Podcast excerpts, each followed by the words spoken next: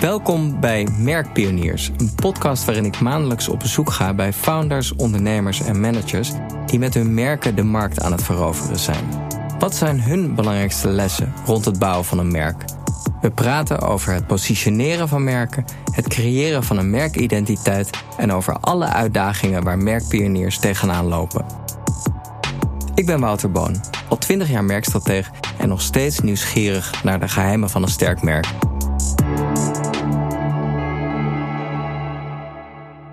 Julie Munneke-Tromp richtte in 2019 Tiny Library op. Een verhuurplatform voor baby- en kinderproducten. En daarbij moet je denken aan kinderwagens en co-sleepers, maar bijvoorbeeld ook aan golfsets en kinderspeelgoed. Julie studeerde economie aan de Universiteit van Amsterdam met als specialisme controlling en begon haar carrière bij Ahold als business controller. Daar leerde Julie onder andere hoe een sluitende business case eruit ziet. Met drie kinderen en een vierde opkomst is ze ook uitgebreid ervaringsdeskundig in het aanschaffen van babyproducten. En tenslotte is ze zich zeer bewust van het feit dat je de planeet netjes achter moet laten voor je nageslacht. Dank, uh, Julie, dat ik uh, jou mag interviewen in jullie gloednieuwe kantoor. Ja, leuk om hier te zijn. Ja, in, uh, in Weesp. Dat is, je woont in het Gooi, dus dat is niet al te ver rijden. Nee, zeker niet. Nee. Zo had je het ook wel bedacht. Ja, ik had eigenlijk altijd in mijn hoofd wel um, een beetje ring Amsterdam. Omdat het gewoon, en wel voor personeel en voor klanten en voor relaties handige plek is. En ja. echt in de stad is gewoon niet handig met al die vervoersbewegingen die we hebben. Ja. Dus ik dacht, dit is wel echt perfect. Dus, dus ik had dit eigenlijk altijd wel... We zaten eerst in Amsterdam met kantoor. En toen zijn we naar Bussen verhuisd en nu weer dus naar Weesp. En hier heb je misschien ook... Want ik zag, ik zie dat jullie een grote opslagruimte hebben. En dat, dat is ook waarschijnlijk net iets makkelijker buiten de ring te krijgen dan binnen de ring. Exact, ja. Ja, ja zeker. Ja, en anders zit je toch al heel snel op een beetje saai industrieterrein. Ja. Dus ik wilde ook wel een plek die inspiratie geeft. Hey, en, en dan nog even, ik zei net in de introductie uh, dat er een vierde opkomst is. Nou, die is wel heel erg op komst. Want um, je bent, uh, geloof ik, eind deze week uitgerekend ergens. Dus ik vind het heel bijzonder dat je de tijd nog even vrij maakt. En dat je ook dit uur nog even volhoudt. Hoop ik. Ja, dat zou wel een eh, primeur zijn hè, als het tijdens de uitzending uh, iets gebeurt. Uh, maar wat ik zat te denken toen je dat toezegde, vind je, het, vind je het moeilijk om nu je werk los te laten? Want ik hoor uh, zwangere vrouwen vaak zeggen van ik kan niet wachten tot ik met zwangerschapsverlof mag. Ja, het is wel echt heel anders als je eigen bedrijf hebt.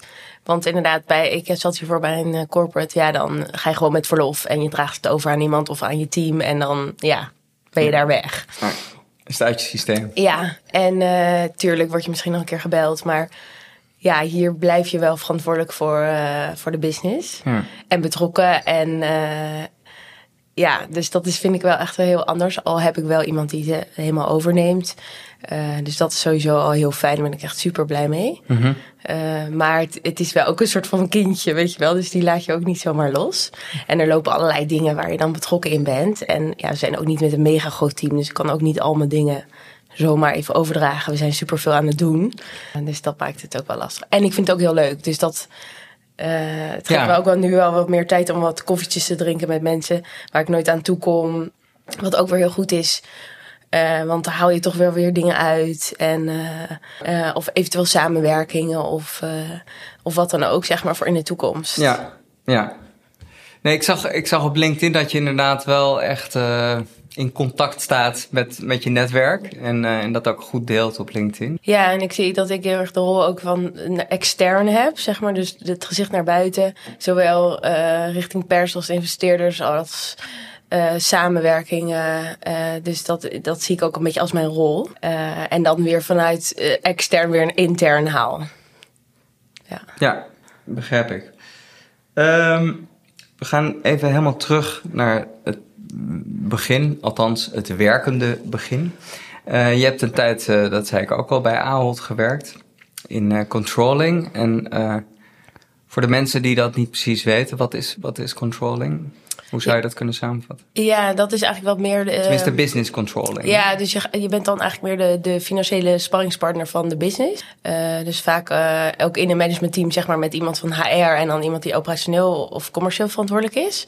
En uh, wij zijn dan eigenlijk als controller ben je dan budgethouder ook. Of je, je helpt met het opstellen van het budget. Dus eigenlijk de vertaling van de strategie naar de cijfers. En dat opvolgen. Dus je bent wel heel erg betrokken bij de strategie. En dat vond ik ook altijd wel echt de, het leuke gedeelte. Dus het, echt het accountancy, zeg maar. Dus de boekhouding. Dat, uh, daar kreeg ik nooit zo heel veel energie van. Oh, wat grappig. Maar wel het stuk inzicht verschaffen. Dus op basis van de cijfers maak je natuurlijk ook keuzes. Dus met ja. businessmodellen. Uh, maar ook van waar uh, zit nou een efficiëntieslag bijvoorbeeld. Ja. Uh, en dat, dat gedeelte vind ik wel heel leuk. En daar dan een toegevoegde waarde in kan, kunnen bieden. En tijdens je studie dacht je nooit, ik ga die marketingkant op. Of, of, of iets dat daarop lijkt. Nee, ja, dat is denk ik ook een beetje door uh, mijn vader, die uh, was altijd financieel uh, persoon ook. Ja. Een financiële achtergrond. Dus het werd altijd gezegd, jij gaat je vader opvolgen. Nou ja, dus dat, heb ik, dat pad heb ik mooi bewandeld. Ja. En um, zijn er dingen, dat vraag ik me af, want er zijn, uh, ik heb het idee dat er veel start-up founders zijn, relatief veel, die, die bij Ahold gewerkt hebben. Het is toch een goede school, denk ik zo. Ook omdat je natuurlijk met zoveel verschillende producten te maken hebt. Heel dicht op de consument zit. Nou ja, noem het allemaal maar op. Um, is er iets dat je van de Ahold cultuur of het merkdenken of wat dan ook hebt meegenomen naar dit bedrijf? Ja, zeker. Uiteindelijk best wel veel.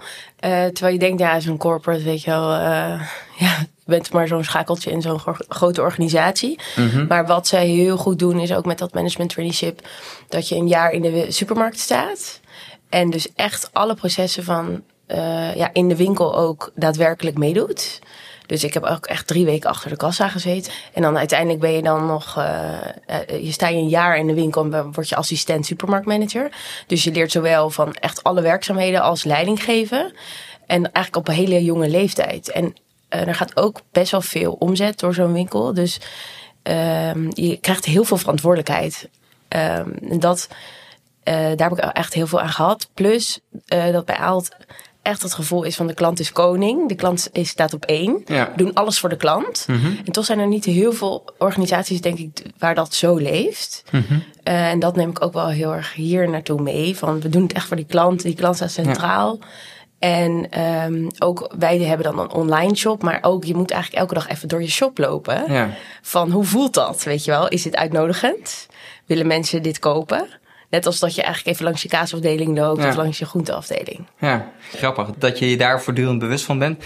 Ahold heeft natuurlijk ook op het hoofdkantoor een, uh, volgens mij een vrouw met twee boodschappentassen, wat misschien nu uh, een beetje gedateerd is, maar qua idee is dat natuurlijk wel hier doen we het voor. Ja, ja precies. Ja, ja Beppie heet ze. Zij heette echt Beppie of wordt ze liefkozend Beppie genoemd? Ja, weet eigenlijk, eh, ja, ik weet eigenlijk niet of het echt een klant is, maar het, wordt, het is wel, dat, ja, we noemen haar Beppie, zeg maar. Ja. Oké. Okay. In de inleiding zei ik ook um, dat je ervaringsdeskundig bent, uitgebreid zelfs, hè, met vierde kont. Uh, is dat ook hoe het idee ontstond? Ja, precies, helemaal. Dus uh, toen ik zelf kinderen kreeg, toen uh, ja, kwam ik erachter hoeveel spullen je nodig hebt en hoe kort je het eigenlijk maar gebruikt. En dat was eigenlijk dus pas bij de tweede dat ik erachter kwam van... oh ja, nu heb je dus weer allemaal nieuwe dingen nodig. En de oudste is al uh, uit allerlei dingen gegooid die ik eigenlijk maar zo kort had gebruikt. En, uh, en waarvan ik van tevoren had gedacht van nou, die ga ik heel lang gebruiken. Ja. Ja. Toen dacht ik wel van, nou, dit moet toch echt op een andere manier kunnen. Ja. Maar en, en dan de stap naar een start-up. Dat is, was dat, ging dat over één nacht ijs? Nee, of? zeker echt niet. Nee, dat voelde echt letterlijk ook wel een beetje als een navelstreng doorknippen. Omdat je eigenlijk ja, zo'n uh, vertrouwde, fijne omgeving kreeg allerlei kansen. Je voorwaarden, uh, veel ontwikkelmogelijkheden. Dus eigenlijk ja, alles wat je wenst. Um, dus dat was ook wel moeilijk om daar dat uh, ja, achter je te laten. En uh, ik heb ook wel echt negen maanden genomen. Het is wel grappig, negen maanden. Ja, navelstreng om uh, om het echt uit te werken. En, uh, en, en, en zodanig neer te zetten dat, dat ik dacht van hier kan ik ook mee verder. En toen na negen maanden heb ik ook echt geëvalueerd van ga ik dit nou doen of niet. Ja. En toen kwam ik wel op een punt van ja, dit is Toen dacht je dit is een goede business case. Precies. En ja, er waren dus echt al best wel wat klanten. En dat liep uh, best mooi organisch, heel veel media-aandacht. Maar hoe, hoe, ehm, dat begrijp ik niet. Je zegt er waren al best wel wat klanten. Nou, dus ik heb toen in die negen maanden wel al gelanceerd, zeg maar. Ah, toen heb ik het echt ah, opgezet. Soft launch uh, Exact, ja. ja. En uh, financiering opgehaald. En toen dacht ik, ja, nu heb ik genoeg om mee verder te kunnen. Oh, dus je had meteen al financiering? Dan. Ja. Oké. Dus toen je dat vertelde, toen dacht men wel van, hé... Hey, het resoneerde. Het resoneerde. Precies, ja. ja. Het had wel voldoende tractie, zeg maar, aan verschillende kanten... dat ik dacht, ja, hier kunnen we wel mee verder. Ja. Oké. Even over het, uh, het idee, het concept in een, in een notendop. Dat gaat natuurlijk over het verhuur van uh, baby- en kinderproducten. Jullie vatten dat samen als betrouwbaar, voordelig en duurzaam. Betrouwbaar, want jullie verhuren uh, veel aanmerken. Um, en het wordt heel grondig gereinigd. Um, wat natuurlijk belangrijk is, kunnen we het zo nog even over hebben. Voordelig, omdat het goedkoper is dan een nieuwe kinderwagen bijvoorbeeld aanschaffen. Die, wat, wat, ik weet geen eens wat het kost, want wij hebben op Marktplaats onze uh, kinderwagen gekocht. Maar 1500, 2000 euro of zo? Ja, vanaf 1200 euro een beetje, ja. ja. En duurzaam, nou ja, dat is ook duidelijk. Verhuren is natuurlijk uh, duurzaam. Uh, hebben jullie eigenlijk, zeg maar, in het merkdenken nog een soort merkbelofte die daarboven hangt? Uh, een soort lange termijn visie van uh, waar willen jullie naartoe met Tiny Library? Of is dat gewoon eigenlijk de, wel de adequate samenvatting van de merkbelofte? Betrouwbaar, voordelig en duurzaam. Ja, dus we zijn dit wel weer eventjes aan het evalueren. Want je bedrijf die, die groeit natuurlijk. Dus ja. dit uh, groeit ook mee. Logisch. Ja. Um, we hebben wel ook wel gezegd van we zijn eigenlijk je, je, vriendin die jou ook adviseert en jou ondersteunt. Dus Aha. eigenlijk ook de merkbelofte die er nog wel achter zit is. Um, wij organiseren deze spullen, zodat jij er niet druk over hoeft te maken. Ga je, focus jij op je kindje. Aha. En daar zit misschien ook een soort langdurige customer journey idee exact. in. Ja, uh, en, en, dat komt ook nog wel, en dat ervaar ik dan nu weer heel erg, dat uh, ook wel de marketing vanuit de traditionele kanalen best wel gericht is vanuit angst. Dus van als je dit niet koopt, dan uh, ben je niet een goede moeder. Echt waar? Is dat in, in de babymarkt zo? Ja, vind ik wel. Dat is, ja, het is toch best wel gericht van dit is veilig, weet je wel. En ehm, er zijn risico's en je wil ja. je kind altijd in de gaten houden. En nou, ik vind zelf eigenlijk dat daar best wel in doorgeslagen wordt. Ook in de hoeveelheid monitors en zo, weet je wel, die je op je kind oh, ja. zet. Ja, ja. Uh, wat aan de ene kant heel fijn kan zijn natuurlijk om even te kijken van gaat het goed. Maar aan de andere kant, ja, ook wel weer heel veel uh, ja, uh, extra zorgen met zich mee kan brengen. Dat je de hele tijd op je scherm zit te kijken van slaapt mijn kind nog wel goed. Ja. Ja, en er is natuurlijk ook gewoon echt iets als moedergevoel of vadergevoel, weet je, ja. die ook gewoon heel erg in verbinding staan met hun kind. Dus die ook wel aanvoelen, die horen die heldjes door alle heldjes heen, weet je wel. Dus, Wat voor een heldje. Ja, ja dus, dus dat, is, dat zit er ook nog wel heel erg achter het merk van, ja, wij willen eigenlijk niet die communicatie vanuit angst, maar meer vanuit vertrouwen ja. van, je hebt eigenlijk niet zoveel nodig, want je hebt eigenlijk alleen maar jezelf nodig. Uh, en uh, voor de dingen die je wel graag zou willen, daar zijn wij voor. Ja, ik begrijp. Hey, en um, de naam Tiny Library, was dat... Uh, ik dacht nog ergens te lezen dat het eerst nog even een andere naam was. Uh, ja. Maar die werkte dan waarschijnlijk niet helemaal. Nee, klopt. Ja, Baby Exchangery was dat. Oh ja. Ja, dit was echt gewoon best wel aan de keukentafel snel uh, verzonnen. Ja. En ik dacht, ja, het is gewoon een werktitel. We gaan hiermee aan de slag. Ja, precies. maar SEO-technisch natuurlijk niet zo handig. Mensen weten niet hoe je het moet schrijven. Nee. En, en, het is ook een beetje tongue twister, exchangery. Ja. ja. En uh, mensen dachten ook dat het ging over baby's ruilen.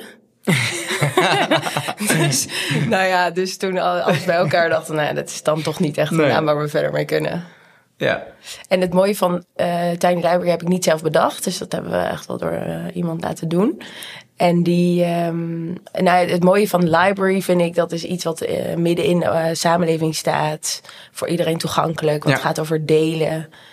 Um, maar ja, uitwisselen. Het is ook een plek waar mensen samenkomen. Dus ik vind dat wel een hele ja. positieve... Positieve bijklank. Ja. Uh, associatie, ja. Ja. En je kan er ook nog alle kanten mee op. En dat vind ik ook wel prettig dat het, dat woord baby eruit is. Want we zijn inmiddels ook wel breder dan baby. Ja, dus tiny uh, is eigenlijk, uh, dat, daar kan je nog even mee verder. Ja, precies. Ja. Hey, en um, de, de vormgeving uh, op de website vond ik vrij sober. het is eigenlijk in capitals Tiny Library geschreven, zwart op een witte achtergrond. En ik heb de vorige keer Walter Morian van de Koffiejongens geïnterviewd. En die hebben bijvoorbeeld een hele mooie verpakking met allemaal pastelkleuren. Dat is natuurlijk wel iets, uh, sowieso zijn dat een beetje volgens mij mode, modekleuren in packaging. Maar uh, is natuurlijk wel iets dat je associeert met, met jullie product. Is er, hebben jullie nog bewust gekozen voor zo'n sobere look? Of uh, hoe is dat gegaan? En is er misschien op een andere manier dat je meer kleur aanbrengt in het merk? Ja, dus we hebben wel heel veel elementen, zeg maar, die we met name dan op socials of nieuwsbrief of inderdaad in uh, flyers en zo uh, inzetten. En daar zit, zitten wat meer aardetonen ook. Um, en dat uh, dus wel warme, warme aardse tonen, zeg maar. Dus een beetje een bordeaux rood en een bruin en een... met, maar ook wel wat frisse met zacht roze. Ja, niet heel Barbie roze, maar echt wel een beetje... Oud roze. Een beetje oud roze. Um, ja, dus uh, dat zetten we wel in. Uh, maar dat is ook een beetje de zoektocht dat we hebben, omdat we ook een retailer zijn. En retailers, als je daarnaar gaat kijken, dan hebben ze ook vaak uh, juist best wel schilderige kleuren. Mm -hmm. Om de aandacht te trekken. Ja. Omdat je wel die klanten moet binnenhalen. Ja. Uh, dus daar, daar, dat is ook nog een beetje de zoektocht. Je wil ook niet te uitgesproken zijn, zeg maar. Omdat je ook wel je wil wel passen ook bij alle merken die je aanbiedt. Ah, op zo'n manier. Omdat we dus samenwerken met de merken, dus bijvoorbeeld een Bugaboo en een Jules. Uh, wil je, uh, ja, we willen dus dat zij ook zich thuis voelen in onze branding. Oké, okay, dus dat die andere merken zich daar mooi omheen kunnen schikken. Precies, ja. Aha. Maar goed, het sluit niet uit dat we dat nog een keer gaan wijzigen. Nee, ja, nee. En, en dat is natuurlijk helemaal normaal. En ja. uh, ik bedoel, een, een start-up hebben is natuurlijk ook voortdurend bijsturen en ja. veranderen. En... Ja, en daar zit dus ook niet mijn achtergrond. Dus dat, daar ben ik dus zelf ook wel continu in aan het leren. Oké. Okay. Ja. Hey, en uh, ik heb jou een keer voor een ander project ge gesproken. Zo ken ik jou een beetje. Was ik research aan het doen, ook voor een uh, baby start-up, grappig genoeg. Um, en in dat gesprek vertelde je dat jullie uh, ook best wel goed hebben nagedacht over de verschillende doelgroepen. Want daar kan je natuurlijk ook wel iets bij voorstellen dat uh, jullie producten eigenlijk een heel breed deel van de samenleving aanspreken. Kan je eens wat vertellen over die verschillende doelgroepen? Ja, ja dus we hebben eigenlijk inderdaad drie typen klanten en het is ook nog best wel productafhankelijk. Um, dus we hebben eigenlijk onze hoofddoelgroep is wel uh, de werkende moeder en vader in de stad. Die echt gaan voor flexibiliteit en duurzaamheid. Dus die wonen niet heel ruim dat ze eindeloos opslag hebben. Willen wel graag gewoon mooie kwalitatieve spullen. En vinden het dus ook heel prettig als het weer het huis uit is. Mm -hmm. Nou, en, en zijn wel bezig met duurzaamheid, uh, duurzame keuzes maken. En, en, uh, Omdat ze progressieve randstedelingen zijn. Exact. Um, en hebben ook wel de middelen, dus die gaan ook wel echt voor die kwaliteitsproducten. Mm -hmm. Dus dingen als co-sleepers passen daar heel, heel erg goed bij. Um, draagzakken, dat soort producten. En voor, voor hen zijn die aanmerken ook belangrijk waarmee ja. jullie samenwerken? Ja, exact. Ja, die gaan echt wel voor kwaliteit. Mm -hmm. En dan heb je eigenlijk de groep... Um, ja, wij noemen dat ook een beetje de affordable rich. Maar ja. dat uh, klinkt negatief, maar dat is uh, met een positieve bijklank. Uh, dat zijn mensen die juist heel erg leven rondom, um, rondom die leaseconcepten. Dus die hebben misschien niet de middelen om, om alles te kopen. Maar die hebben eigenlijk hun levensstandaard vanwege dat huren en leasen. Dus ook een huurhuis of een leaseauto. En ja, veel diensten as a service. Ja, en kunnen daarmee dus. En, en, en daarmee hebben ze dus ook de mogelijkheid om dan nog lekker op vakantie gaan. Uh, en dat soort dingen. En die gaan ook wel voor innovatie voor nieuwe producten. Dus het is ook wel echt een lifestyle. Ja. Uh, okay. Dus die gaan ook voor, voor een aantal type merken. Dus dan noemen we eigenlijk, we bieden dan toegang tot producten. Um, en de, de, andere groep is, de laatste is eigenlijk een groep waar we echt die toegang bieden voor ook de producten die ze echt daadwerkelijk nodig hebben. En, um, want dat zijn mensen die gewoon niet die 1000 euro bijvoorbeeld op een rekening hebben. Ja. Maar wel een kwalitatieve kinderwagen. En dat vind ik ook echt heel mooi. Het is ook wel een moeilijke groep, want ze moeten uiteindelijk ook nog wel de huur kunnen betalen. Ja. Um, maar dat is natuurlijk ook heel mooi sociaal als je die toegang kan bieden tot kwaliteit. Ja, nee, dat, volgens mij uh, klinkt dat inderdaad als drie groepen waarbij het allemaal op een net, net een andere manier heel goed uh, het concept aansluit. En ik vond het wel grappig omdat ik ook merk vaak bij start-ups dat, dat het een beetje is qua doelgroep denken pak wat je pakken kan. Hè? Omdat het allemaal nog, nog een soort van in de kinderschoenen staat. Dus ik, ik vond het wel mooi dat, dat jullie daar al zo goed over nagedacht hadden. Ja, en we proberen ook inderdaad wel onze communicatie en onze kanalen daarop aan te passen. En uh, bedoel je dan qua verschillende social media of qua uh, überhaupt qua verschillende kanalen? Ja, dus we zijn bijvoorbeeld inderdaad social media. Uh, dus Instagram is wel echt voor die eerste groep, zeg maar. En eerste en tweede groep. Uh, waar je wil inspireren met nieuwe producten en laten zien wat we doen en wat de impact is. En bijvoorbeeld op Marktplaats zijn we ook aanwezig. En dan is het meer voor die derde groep van... Uh, kijk, weet je wel, je kan het op Marktplaats kopen of je kan het bij ons huren. Alternatief voor. Ja. ja. Ja, en zo zie ik het ook altijd. Hè. Ik vind Marktplaats echt super als het voor je werkt. Uh, maar ja, ik vond het zelf uh, niet zo heel prettig, omdat het gewoon heel veel tijd kost. En ook niet altijd de kwaliteit die je dus wil, want het is dus niet gecheckt en gereinigd. Ja. Uh, en soms betaal je ook nog best wel veel en je moet dan onderhandelen met iemand. dus ja, ik zie ons echt als een, ja, iemand, een partij die gewoon die service op die marktplaats biedt. Het is gewoon gedoe. Maar sommige mensen vinden het heel leuk en dan is het natuurlijk helemaal fijn. Ja. Als je er tijd voor hebt en je vindt het leuk om te doen. Ja, maar dit is dus eigenlijk net iets cleaner en, en eh, in alle opzichten zou je kunnen zeggen. Ja, ja echt dat service aspect. En ik denk met name voor babyproducten is dat een kinderproduct is het relevant omdat je het dus maar kort gebruikt. Dus er is best wel veel. Kijk, voor een bank snap ik dat je, nou, die kan je misschien nog wel tien jaar in je huis zetten, zeg maar. Dus daar wil je misschien nog wel echt wel moeite voor doen en nergens naartoe rijden en een aanhanger huren of zo. Ja, uh, Maar als je voor iets maar zes maanden gebruikt, ja, precies. dan is de hoeveelheid handling, zeg maar, en uh, tijd dat je ermee bezig bent, is best wel groot. Ja. Plus dat je natuurlijk wil gewoon dat het veilig is en dat het schoon is. Is dat voor sommige klanten ook nog een barrière bij jullie, de, de hygiëne? En de, want het, het, is, het is verhuurd, en dus aan iemand anders. Klopt. Dus we hebben ook nog wel de optie inderdaad eh, voor bijvoorbeeld een nieuw matrasje. Nu sta ik daar zelf uh, niet zo achter, maar ja, we bieden het wel aan omdat, er, omdat klanten dat echt willen. Uh, maar ja, in principe, jij slaapt ook gewoon in een hotelbed op een matras waar al duizenden mensen waarschijnlijk hebben geslapen. Dus waarom zou je baby uh, op een nieuw matras moeten slapen? Uh, terwijl daar ook nog een molton en een laken en dan kleertjes. Er zitten vaak heel veel laagjes. er zit heel veel. En die baby's zijn eigenlijk helemaal niet zo heel vies. Nee. Want die doen nog niet zoveel. Die, Eigenlijk die kinderen die in hun bed gaan plassen vanaf uh, drie jaar, die zijn eigenlijk veel viezer. Ja, ja klopt. Ja. Maar goed, dat weet jij. En, dat uh, weet ik, ja. en ervaringsdeskundig. en dat is je, het zijn je producten. Maar ja. uh, is, dat, is dat een barrière die je moet overwinnen in je communicatie of op andere manieren? Zeker. En hoe ga je daarmee om? Uh, ja, nee, dat is ook echt nog wel een challenge voor ons. Want uh, ja, dat zit er gewoon heel erg in soms. En het is ook wel dat kraamzorg of een verloskundige soms zegt... want het moet een nieuw matras zijn of het moet nieuw... Ja? Of ja, en dan weten we ook niet helemaal waarom dan. Is er dan een studie die zegt dat dat moet? Je, je, bent natuurlijk, je hebt gewoon te maken met een doelgroep die heel vatbaar is... niet weet waar die aan begint en heel veel informatie op zich afkrijgt... En dat is wel. En, een en moeder- of vaderinstinct heeft. Ja, en het beste wil voor zijn kind. Ja. Dus het is helemaal niet een rationele doelgroep, zeg maar. Nee. Uh, dus dat is inderdaad best lastig van hoe speel je daar op, goed, op een goede manier, een positieve manier wel op die gevoelens ook in, zeg maar. En leg je, ja, dus probeer het vooral uit te leggen.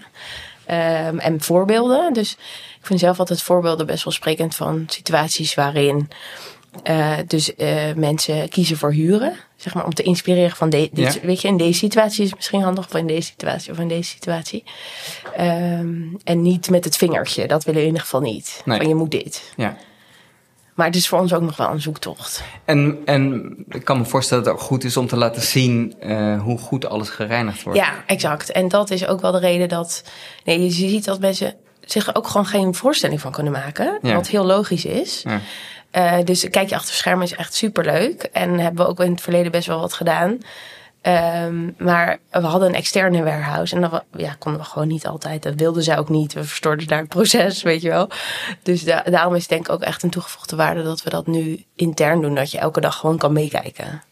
En klanten kunnen hier komen, die kunnen het zien. En jullie doen dat reinigen ook. Het is niet zo dat het aanmerk, uh, nou ja, ik zeg maar even aanmerk, dat klinkt zo stom, maar laten we een voorbeeld nemen dat Bugaboo dat zelf doet. Nee, Nee, dus die kunnen, kunnen dat niet in de zin van ze hebben daar geen. Niet faciliteiten. Niet voor de, de faciliteiten voor. En ze hebben wel de kennis en expertise. Dus zij trainen ons dan en ze leveren um, spare parts. Dus dat is een hele belangrijke van de samenwerking. Dus ze hebben wel toegang tot alle reserveonderdelen. En Want eh, dat is ook interessant. Uh, ik begreep dat de producten van de fabrikanten ook blijven. Ja. Dat verbaasde mij eigenlijk een beetje. Uh, maar dan, dan werkt het natuurlijk ook heel goed met als er iets kleins stuk, stuk is, dat, je, dat ze dat voor je repareren. Ja. ja, dus dat is ook wel het mooie. Toen ik aan de slag ging met het concept. Dus eerst vanuit echt vanuit die eh, klant, zeg maar, ben ik begonnen, vanuit mijn eigen behoeften. En toen ik dus eenmaal met het model bezig ging, toen dacht ik, ja, dit is gewoon het model wat het moet zijn. Want vanuit de circulaire economie klopt het helemaal. Veel beter, ja. Ja, want circulariteit begint eigenlijk bij design. En wie heeft invloed op het design? Dat is de producent. Ja.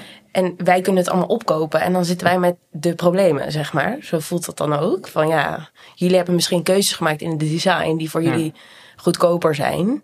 Maar waardoor een product minder goed gerepareerd kan worden, dus lang, minder lang meegaat. Dus om die um, incentives zeg maar, op de juiste plek te laten, dus zij zijn verantwoordelijk voor een product wat kwalitatief is, wat lang meegaat.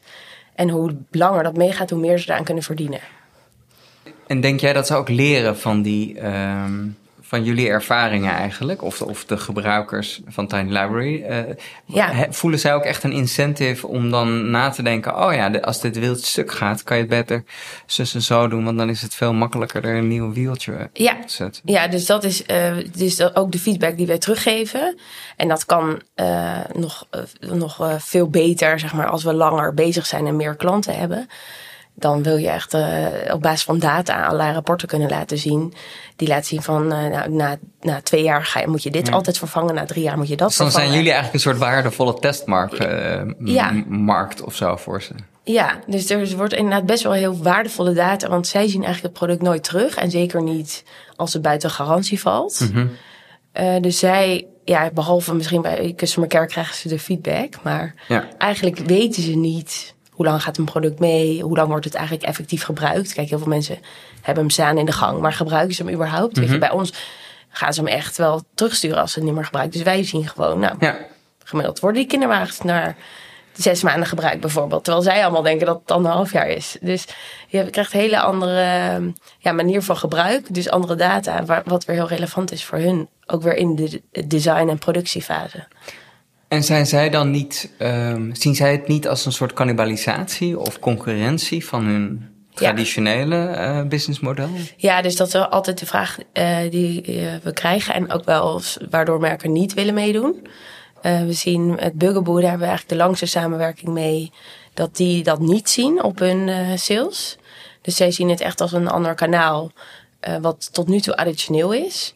En dat geloof ik ook wel, want je, het is echt een andere doelgroep. Dus er is nog steeds wel gewoon echt een doelgroep die nieuw wil kopen. Ja. Maar dit, dit is een andere type klant die ze anders niet bereiken. Ja, en wat mij ook uh, lijkt, is, is dat je natuurlijk ik had het net even over een soort testmarkt. Dat je eigenlijk al voorzichtig met één teen in het water van een circulaire economie kan kijken hoe dat werkt. En, en de ervaring daarvan, eigenlijk waar we het net over hadden, ja. de ervaring daarvan kan gebruiken. Dus dat is super waardevol. Ja, en ik geloof heel erg dat de circulaire economie alleen kan ontstaan als je dat echt met een heel ecosysteem doet. Dus je kan dat als partij aan zich dat gewoon niet organiseren, omdat je gewoon werkt in een hele keten. Dus die hele keten moet eigenlijk ja. mee. En daarin is het dus een producent één schakel, wij zijn een schakel. Maar heb je eigenlijk, ja, zou je ook nog meer logistieke bedrijven, heb je nog veel meer schakels in. En met elkaar maak je die circulaire economie. Ik had het net over, is er nog een, uh, een soort overkoepelende uh, merkbelofte? Maar dat gaat in ieder geval business-wise, gaat dat bij jullie wel heel erg over circulariteit. Nee, zeker. Ja, dus, dus wij, eigenlijk hebben we ook twee typen klanten. Dus ik praat vaak natuurlijk over onze, onze eindconsument, zeg maar. Ja. Maar we zijn ook, ja, eigenlijk zijn de merken ook onze klant. En daarmee, dat, dat zit veel meer op dat stuk van duurzaamheid en het bieden van data uh, en inzichten. Ja. Uh, en een service voor hun zijn. Dus ik zie ons ook wel echt als een verlengstuk van hun organisatie. Dat zij het niet allemaal zelf hoeven te doen. Waardoor we met elkaar eigenlijk die circulaire economie versnellen. En dat zit eigenlijk inderdaad veel meer op die laag. Oké. Uh, even een ander onderwerp. Uh, tenminste, alles heeft natuurlijk wel een beetje met elkaar te maken. Uh, maar waar ik ook nog aan zat te denken... Ik hoorde dat jullie bezig zijn met eigen merken introduceren. Wat ik eigenlijk een heel logisch idee vind. Want je weet natuurlijk precies waar, waar een tekort aan is... of welk product veel vraag naar is. Dus daar kan je heel mooi in, op inspelen. En uh, de marges worden hoger, dus dat is natuurlijk ook wel fijn. Uh, is dat iets waar, waar, waar jij groei ziet? Vanuit de consument uh, is daar denk ik nog niet zo heel veel vraag naar, omdat mensen heel merkbewust zijn. Dus je ziet echt wel mensen die gaan voor een specifieke kinderwagen, een specifiek merk. En als ja. we dat even niet op voorraad bijvoorbeeld hebben, dat ze dan niet naar een ander merk willen. Aha. Um, dus het verschilt wel heel erg per type product. Um, maar vanuit de circulariteit, zeg maar, en hoe wij dat um, goed, dus hoe wij producten zo snel mogelijk en goed mogelijk kunnen schoonmaken en ook zo lang mogelijk mee kunnen laten gaan, is het wel heel relevant. En dus wij zoeken eigenlijk in elk segment dan een partner uh, die ook met ons mee innoveert. En je ziet op kinderwagens zijn de merken daar echt ontzettend mee bezig.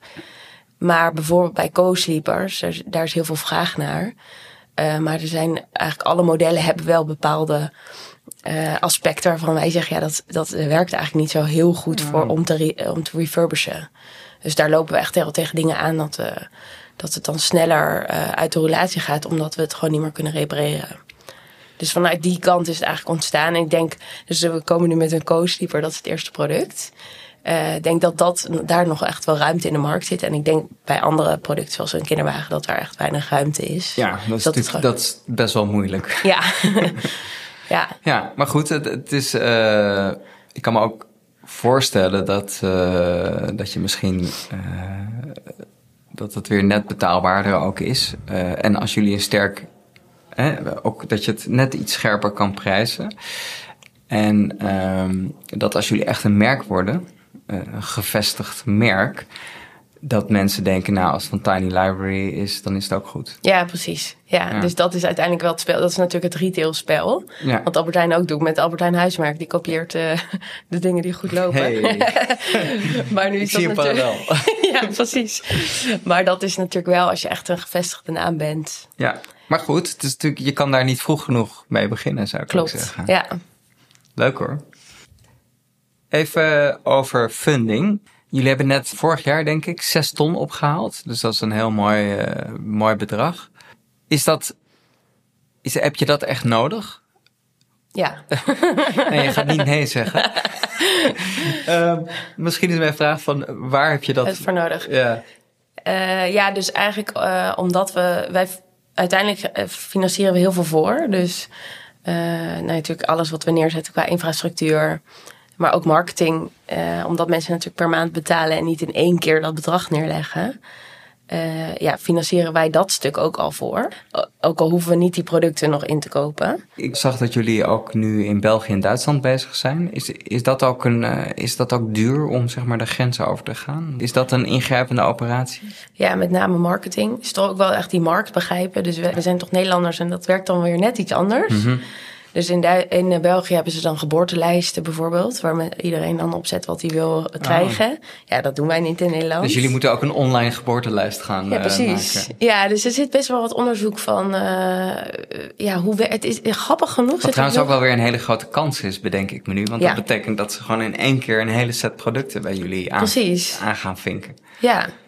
Nee, dus eigenlijk is dat heel mooi en kan je, zou je daar ook nog wel weer dingen van kunnen leren. Maar de grap is dus dat er best veel cultuur om dat hele geboorteproces heen zit. Dat je eigenlijk niet verwacht. Want ja, ja het zou toch en die cultuur is overal net anders. Ja, het is echt anders. En grappig genoeg, dus ook het gebruik van het product is heel anders. Dus bijvoorbeeld in Korea verkopen ze niemand uh, kinderwagens, want daar gebruiken ze die niet. Ze gebruiken alleen buggies. Want de eerste zes maanden komen ze de deur niet uit en dan gaan ze over in een buggy. Ja. Of ze gebruiken alleen een draagzak of iets dergelijks. En in Noorwegen gebruiken ze bijvoorbeeld weer hele grote kinderwagens, want ze slapen de kindjes buiten in een kinderwagen. En dan, hebben ze, dan is het een soort van bed. Oh, wauw. Hele dus dikke slaapzakken. ja.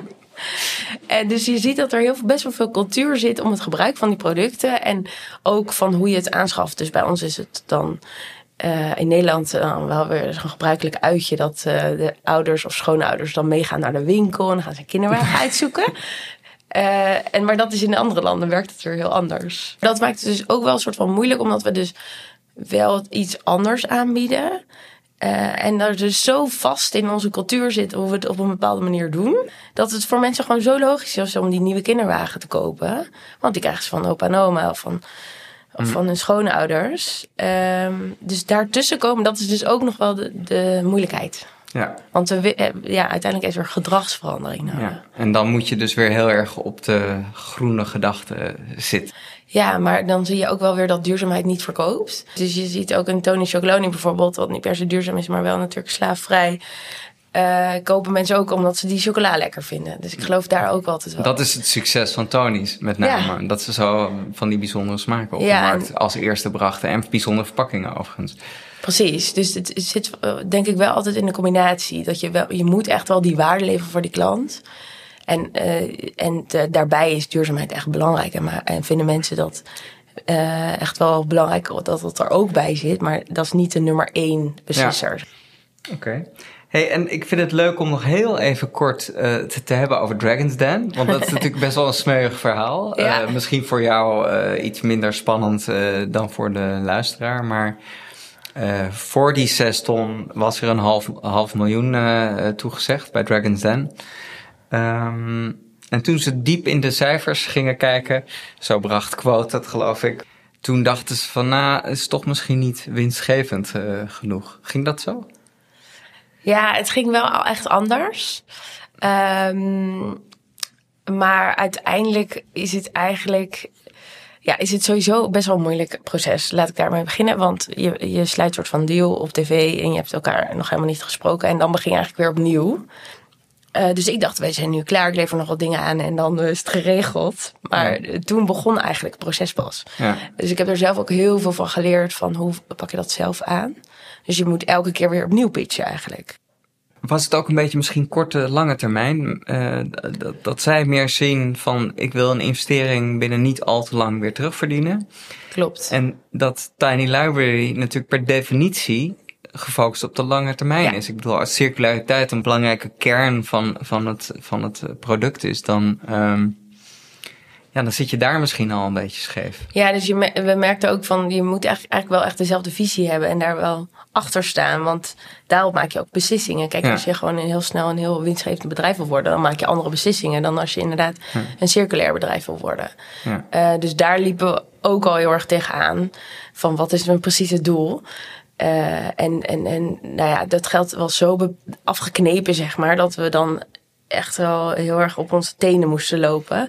En niet konden investeren in de dingen die ik dacht dat dan op dat moment belangrijk waren. Het heet niet voor niks Dragons Den natuurlijk. Ja, maar ik vond het ook nog wel een hele moeilijke beslissing. Want je hebt wel mensen met groot netwerk erachter. Ambassadeurs, die, die kunnen je merk wel groot maken. Dus als je denkt aan de commercialiteit. Dat is wel continu het spanningsveld. Want als je echt alleen maar in die groene hoek blijft. Ook wel investeerders zijn qua, qua bedrijf, zeg maar. Dan word je ook weer nooit mainstream.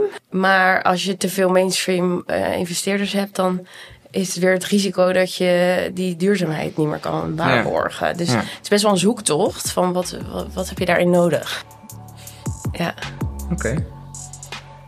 Ik, uh, ik ben heel veel wijzer. Dank voor dit leuke interview. Dankjewel. Ik vond het ook heel leuk.